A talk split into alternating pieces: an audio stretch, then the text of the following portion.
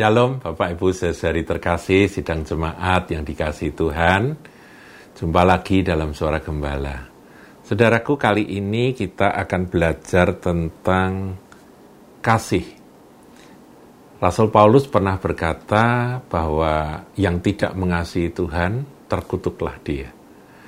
Paulus juga di dalam 1 Korintus 13 katakan tinggal tetap tiga perkara, yaitu iman, pengharapan, dan kasih.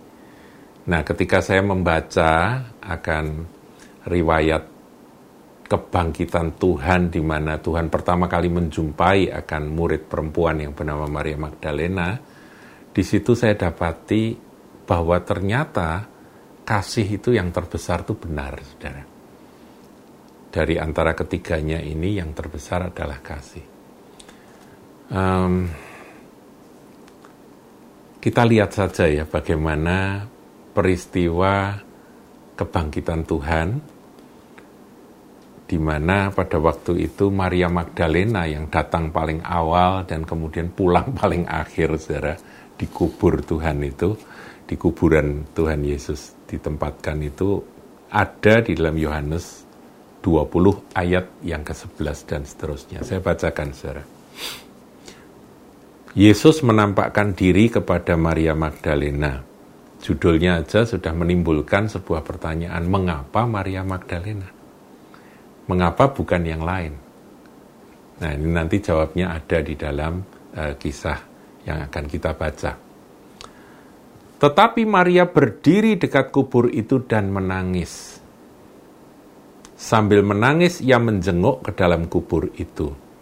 Dan tampaklah olehnya dua orang malaikat berpakaian putih, yang seorang duduk di sebelah ke kepala dan yang lain di sebelah kaki di tempat mayat Yesus terbaring.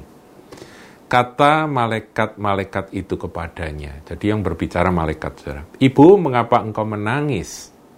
Jawab Maria kepada mereka, Tuhanku telah diambil orang, dan aku tidak tahu di mana ia diletakkan. Saudara, kita berhenti sampai di sini terlebih dahulu, kita merenungkan. Menurut saya, eh, Maria Magdalena itu dalam hal pengetahuan tentang siapa Yesus Sang Mesias itu tuh dia masih terlalu terlalu minim.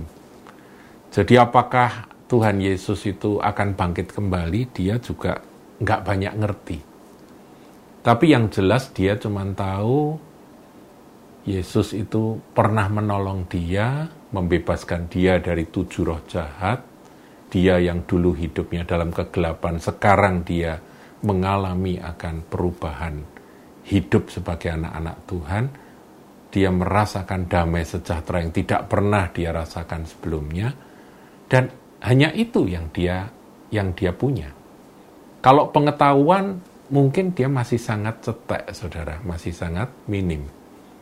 Jadi soal apakah Yesus itu bangkit lagi, itu dia mungkin nggak banyak ngerti.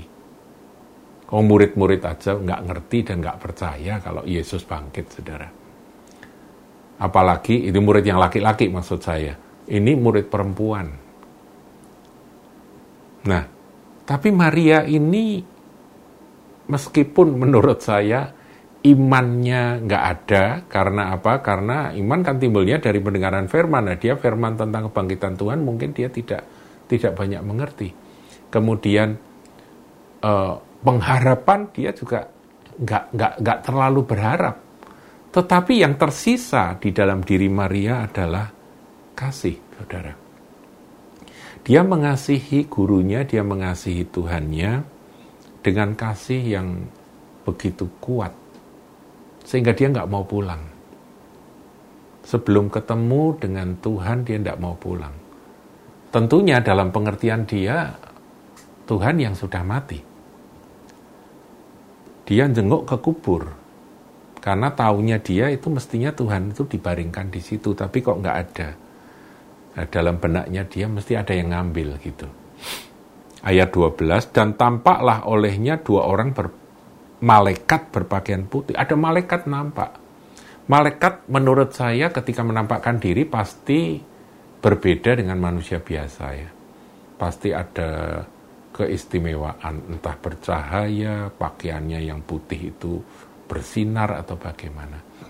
Tapi yang menarik saudaraku, malaikat itu tidak membuat Maria terhibur atau Maria terpukau atau Maria kemudian lupa akan akan kesedihannya. Tidak.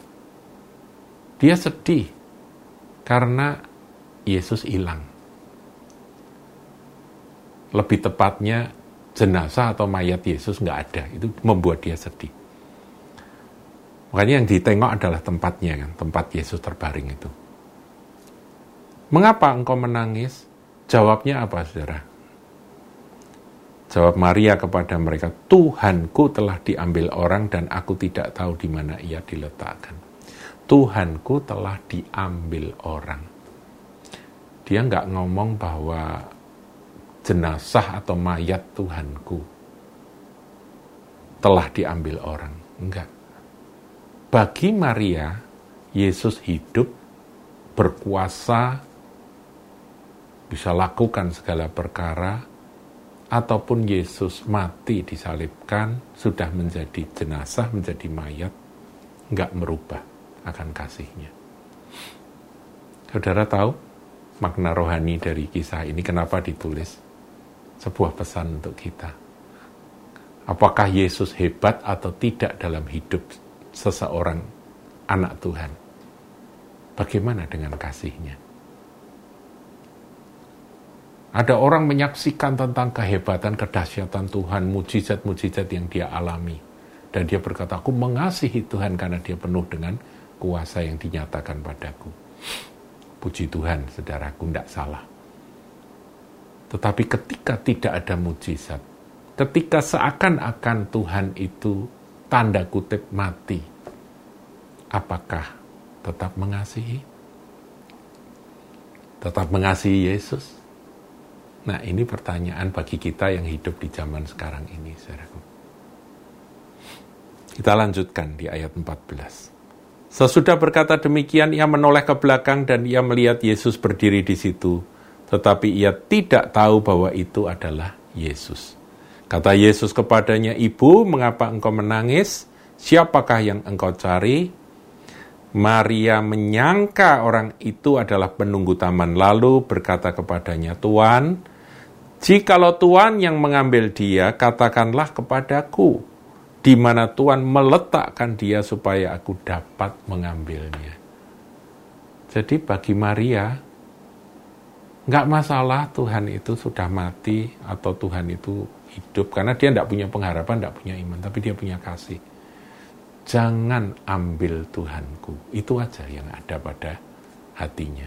Yang memenuhi hati dan pikiran Maria sehingga dia menangis. Saking banyaknya air mata sampai waktu ngelihat Tuhan Yesus pun tidak mengenali.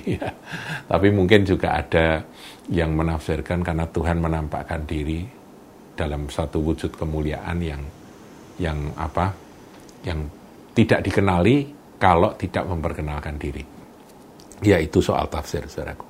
Tapi yang jelas bagi Maria, yang ada di pikirannya, yang ada di hatinya, Tuhanku diambil orang dan Aku tidak tahu di mana ia diletakkan. Tunjukkan di mana dia berada supaya aku dapat mengambilnya. Dapat menjemputnya. Ya enggak enggak kalau mayat Tuhan mana mungkin dia bisa mengangkat tapi dia enggak peduli pokoknya jangan sampai aku dijauhkan dari Tuhanku.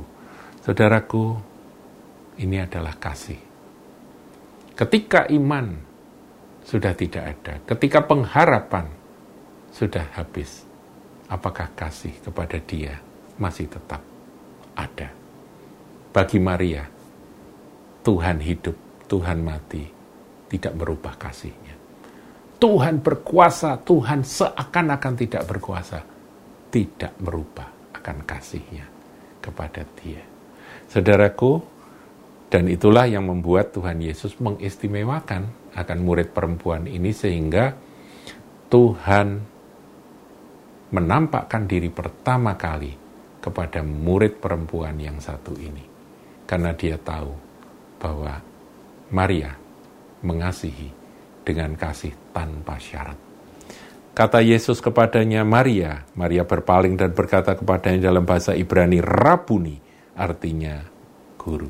Bahkan pada waktu itu kalau saudara lihat ayat 17, Yesus berkata, jangan memegang aku karena aku belum pergi kepada Bapa.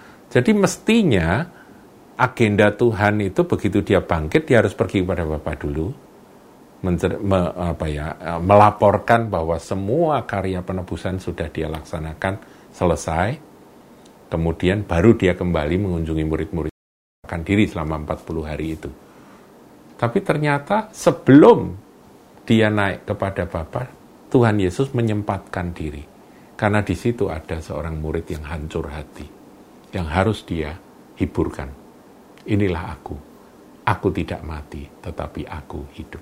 Sekarang, saudaraku, kita hidup dalam perjanjian baru di mana kisah ini sudah menjadi sejarah. Kita tahu bahwa Tuhan sudah mati, Tuhan sudah dikuburkan, tapi Tuhan juga sudah bangkit bagi kita. Tuhan sudah naik ke surga dan mau datang kembali bagi kita. Tetapi riwayat getaran kasih yang murni, yang tanpa syarat dari seorang Maria Magdalena, itu yang harus kita pelajari. Kita petik akan pelajaran bahwa marilah kita belajar mengasihi Dia tanpa syarat. Tuhan Yesus memberkati.